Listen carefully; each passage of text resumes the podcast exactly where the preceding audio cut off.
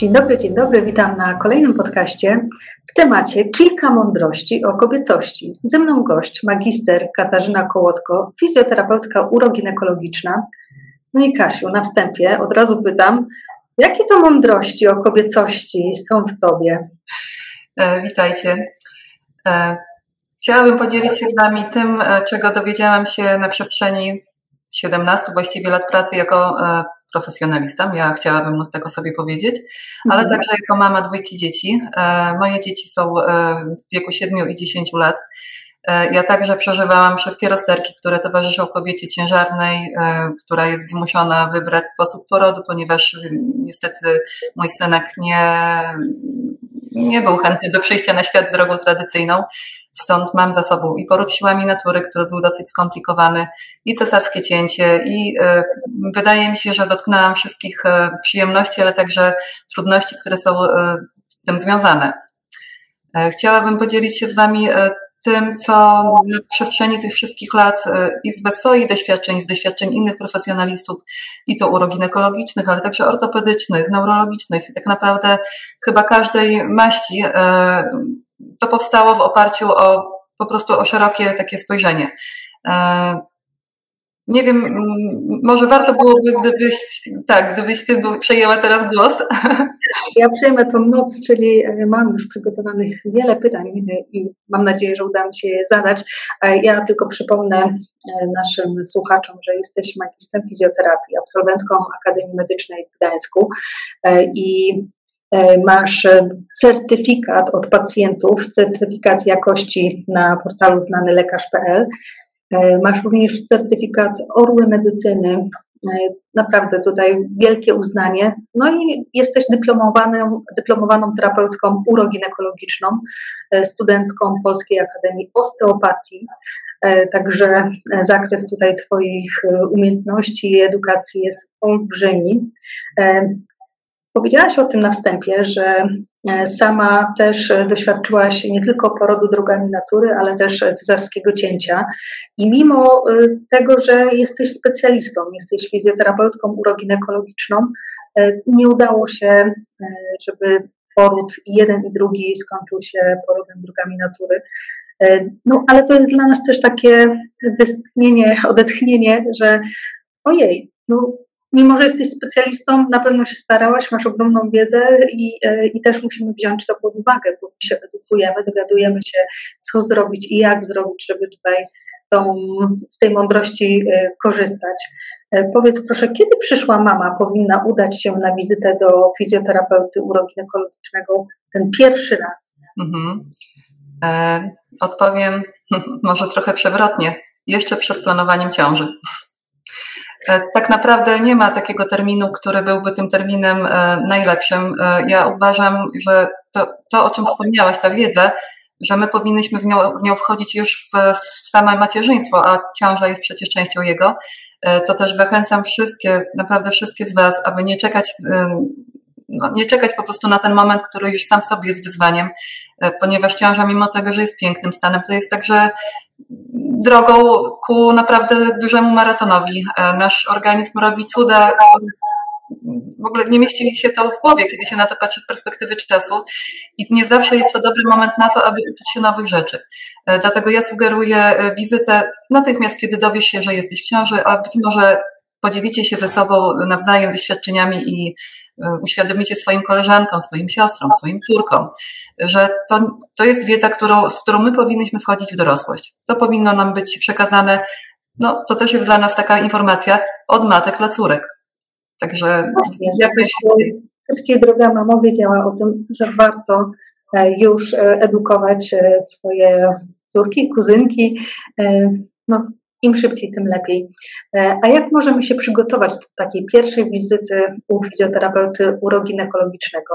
Z doświadczenia wiemy, że wizyta u ginekologa trwa 20 minut. Y, to zależy oczywiście, e, ale moja pierwsza wizyta u fizjoterapeuty uroginekologicznego trwała półtorej godziny. Jak to było?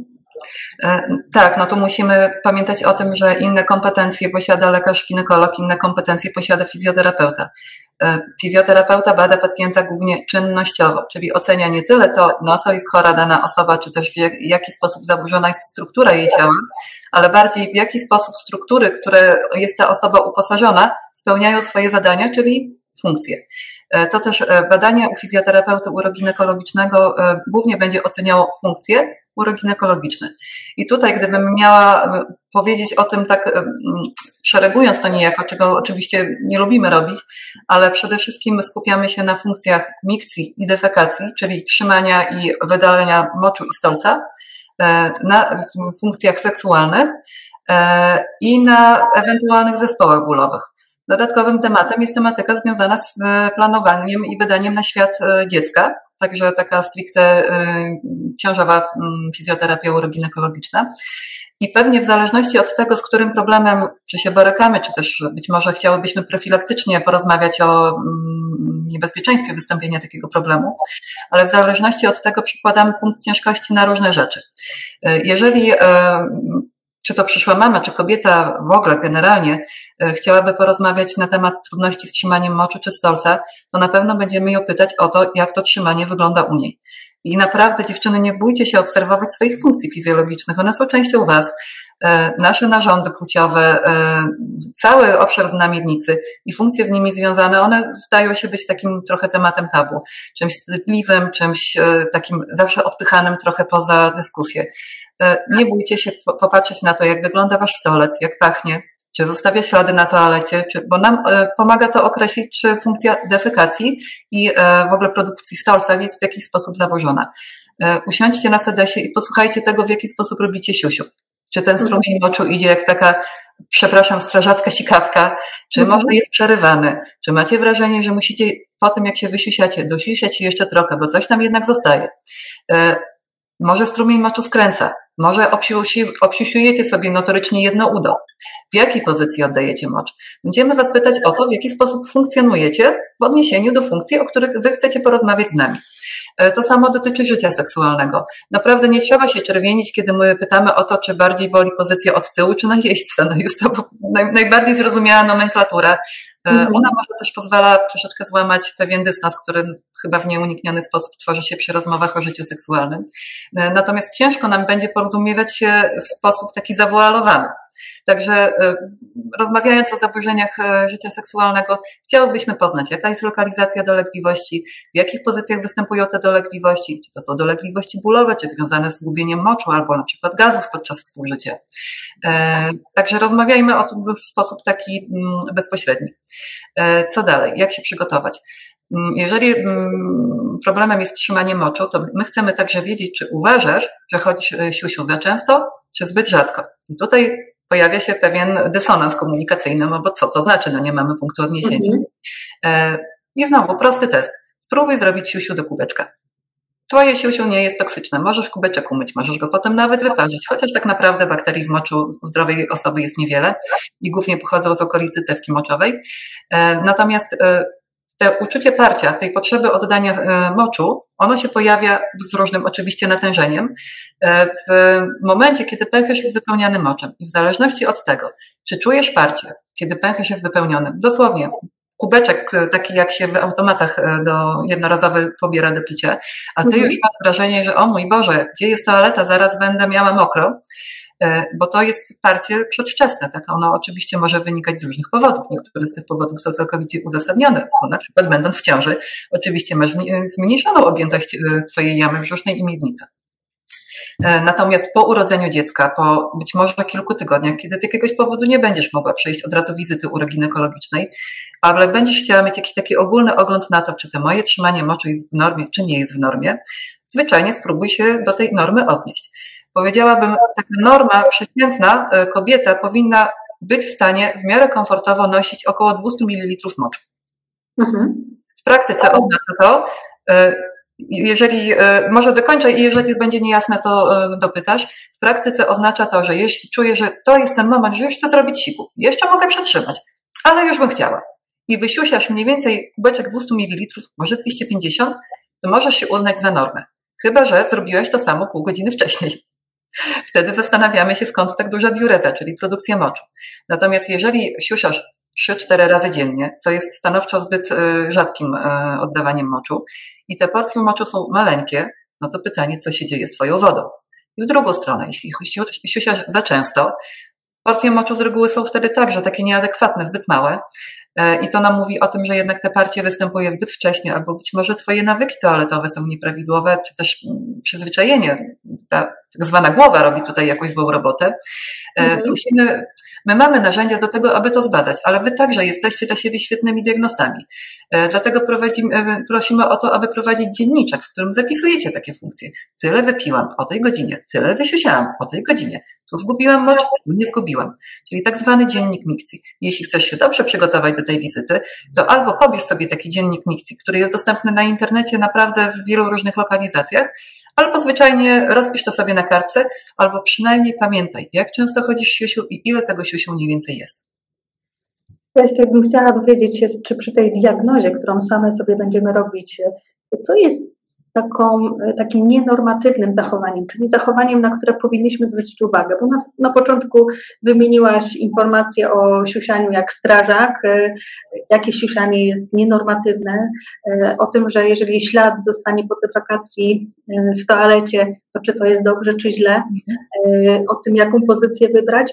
Zwróć nam uwagę, gdzie, jakie flagi tutaj, światełka nam się powinny zapalić bo e, warto to skonsultować. E, tak, więc jeśli chodzi o oddawanie moczu, to na pewno to, z czym my się często jako fizjoterapeuci uroginekologiczni musimy borykać u pacjentów, pacjentek, to oddawanie moczu pod wpływem ciśnienia brzucha. Czyli kiedy robisz siusiu, usiądź wyprostowana, nie twórz sobie takiego pozycyjnego ciśnienia, które naprawdę niczemu dobremu nie służy, nie składaj się w scyzoryk, nie siusiaj na małysza, bo wszystkie te sytuacje sprzyjają zwiększaniu ciśnienia śródbrzusznego. A pamiętaj o tym, że aby oddać mocz, musisz swoje mięśnie na miednicy rozluźnić, otworzyć, czyli zrobić niejako otwór, przez który mocz ma się wydostać. Jeżeli otwór jest malutki, a ciśnienie bardzo duże i trwa to iluśkrotnie, w dłuższej perspektywie czasu, to niestety narażasz się na to, że możesz te struktury czy to rozciągnąć, czy to doprowadzić do przebudowy mięśni zwieraczy. Więc na pewno nie jest tak, że od jednego razu dzieją się jakieś dramaty. I to podobnie tak jak z tym stolcem. Jeżeli ten stolec zostawia ślady, jest taki cuchnący, może ma brzydki kolor, wchodzi w jakąś taką podejrzaną żółć zamiast brąz. Ale zdarzyło się to potem, jak skonsumowałaś e, pizzę z serem polaną oliwą, to jest to oczywiście racjonalne, ale jeżeli dzieje się tak często, to znowu może wskazywać na Twoje złe nawyki, a może wskazywać na zaburzenia e, w układzie pokarmowym, które to zaburzenia bardzo blisko trzymają się z zaburzeniami uroginekologicznymi. Stąd takie rzeczy nas interesują i zawsze prosimy o to, aby się temu przyglądać. A ta defekacja?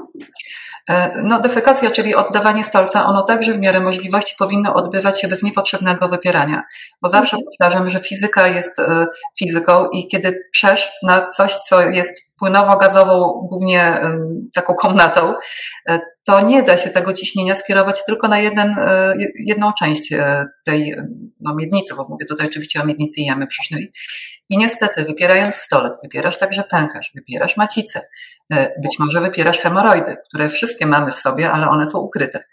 To jest naturalna część naszego ciała, natomiast w sytuacjach zwiększonego ciśnienia w tłoczni brzusznej, oczywiście możesz te hemoroidy zobaczyć na zewnątrz możesz wypierać jelita przez kresę białą. I tutaj te rozejście kresy, które e, po porodzie no, zwłaszcza cięciem cesarskim. Czasami nie chce się zbiec i e, raz, że kresa jest e, rozszerzona, a dwa, że brzuch odstaje, bo są zaburzone totalnie biomechanicznie funkcje tłoczni brzusznej i ścian brzucha. Więc parcie jest B, mówiąc kolokwialnie. Jeżeli jesteś naprawdę w ogromnym zaparciu, jest to jednorazowa sytuacja, no to znowu, no nie demonizujmy, nic się nie stanie, jeśli raz poprzesz. Ale jeśli to ci wchodzi w nawyk, to niestety musisz liczyć się z tym, że ten nawyk może się obrócić przeciwko tobie. To też pozycja do defekacji, mm, Teraz mówi się dużo o tej sławnej pozycji e, ze stołeczkiem pod stopami. To nie jest wymysł e, takich e, no, szukających tutaj nowości szaleńców, tylko naprawdę racjonalna sprawa, ponieważ ten stołeczek pod, kolana, pod stopami powoduje, że kolana idą do góry. Miednica osiąga taką pochyloną pozycję i mięsień, który w normalnych okolicznościach trochę zamyka jelito na kształt takiego zacisku, czyli mięsień łonowo-odbytniczy, ten mięsień ma szansę rozluźnić się i zmniejszyć nacisk na jelito, pozwolić nam oddać stolec do wypierania i jednocześnie nie zaburzać wtórnie całej funkcji pozostałych mięśni na miednicy. No i tak e, te stołeczki e, dla swoich dzieci już macie zakupione e, lub za chwilę będziecie miały, także warto, warto z tego korzystać. I uwaga, tatusiowie też powinni z tego korzystać. Twoje tak. dziecko też będzie z tego korzystać. To prawda. Panowie, ja tylko tak króciutko, e, panowie także mają e, problemy z dnem miednicy, co prawda inaczej się to objawia, ale mhm. dziewczyny, jeśli macie, jeśli spodziewacie się synków albo macie takich synków, to pamiętajcie, że wszystkie te zasady e, dotyczą także ich. Może oprócz siusiania na stojąco, bo chłopcy siusiają na stojąco i nie musi to im robić krzywdy, natomiast zwłaszcza życie seksualne, chociaż i trzymanie moczu.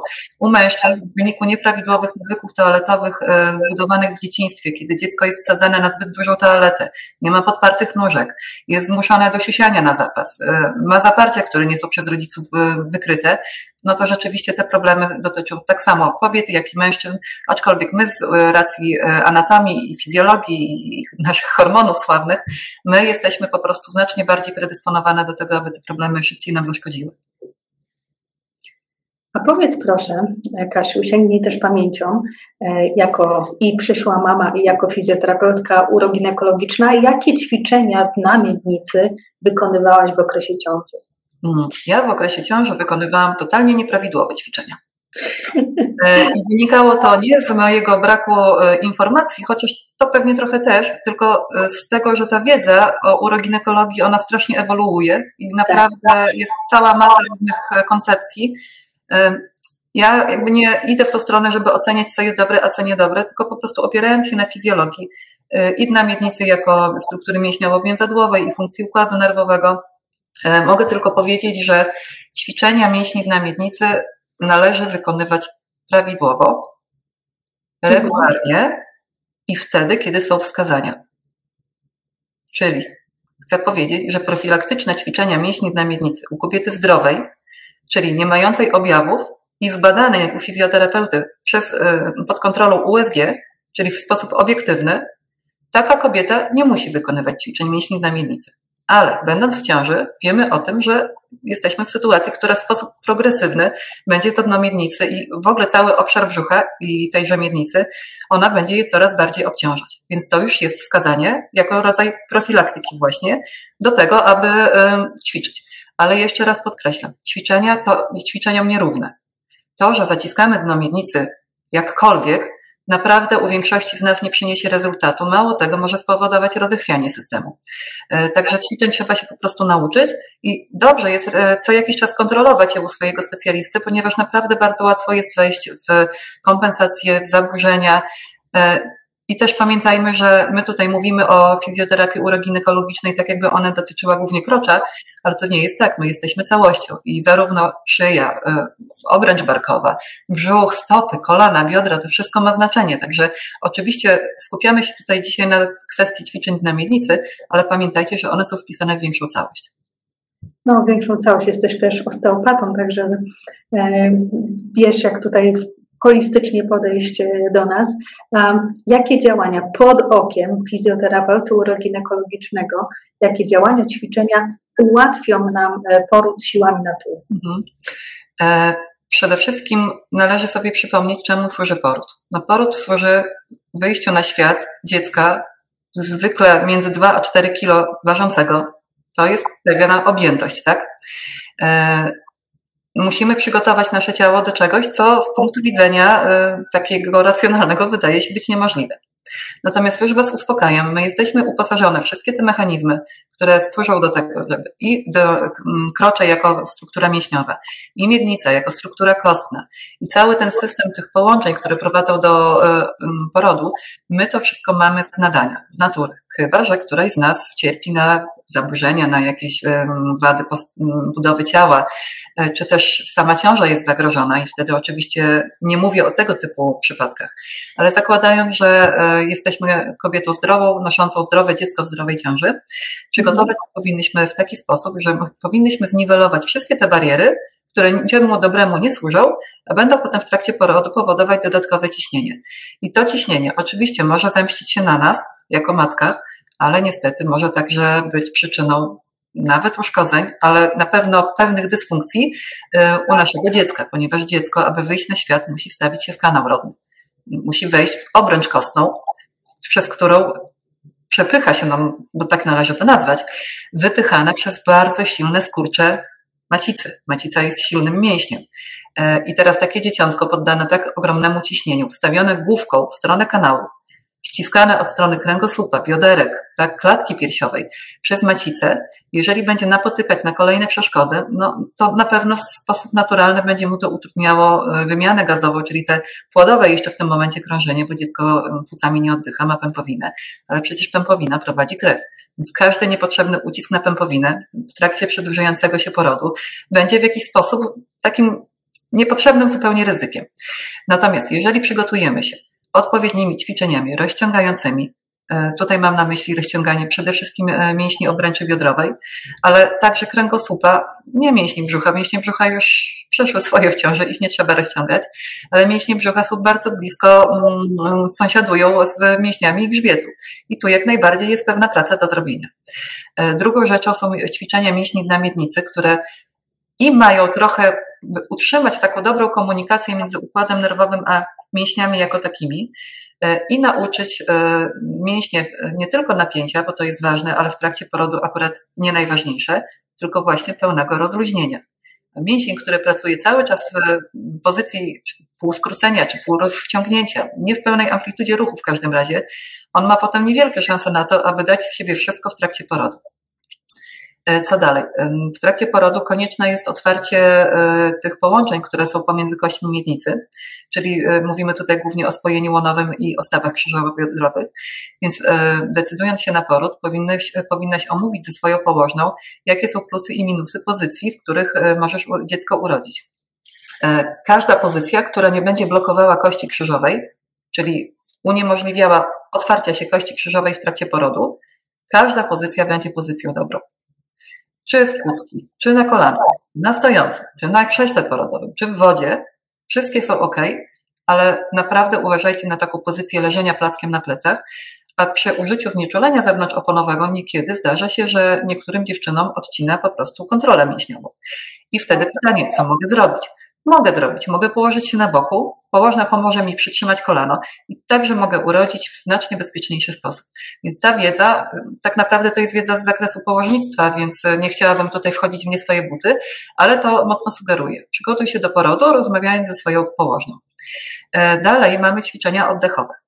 Ćwiczenia oddechowe są istotne i to z uwagi na to, że przepona ma bardzo dużo do powiedzenia w odniesieniu do mięśni na miednicy i do mięśni brzucha, mhm. ale także e, funkcja e, rozluźnienia mięśni na miednicy jest w dużym stopniu zależna od tego, na ile sprawnie oddychamy przeponowo. E, sam poród, pamiętam, jest naprawdę mega wyzwaniem. Zawsze mówiłam, że nie jestem z tych, którzy są w stanie przystąpić do maratonu, bo akurat bieganie nie jest moją domeną, lubię inne rzeczy, ale poród wspominam tak właśnie jak maraton, więc e, to jest piękne doświadczenie, ale ono wymaga tego, żebyśmy przystąpiły do niego z takim naprawdę dużym powerem. I ćwiczenia oddechowe z uwagi na to, że sama ciąża jakby tworząc tą objętość, ale także ten stan fizjologiczny, w którym jesteśmy, czyli trochę inne krążenie, inne natlenowanie krwi e, i tak dalej, e, one wszystkie powodują, że nasza wydolność może być taka sobie. Więc warto przygotować się także tak delikatnie kondycyjnie. Nie mówię tutaj, że macie jeździć na rowerze czy biegać, bo i taki, i taki sport nie jest według mnie najlepszym mm, pomysłem ale naprawdę są aktywności, które możecie uprawiać w sposób bezpieczny, nie narażając się na obniżenia w narządzie rodnym, nie narażając się na niepotrzebne ciśnienie w obrębie brzucha, a jednocześnie y, wspomagając swoją kondycję przed przystąpieniem do porodu.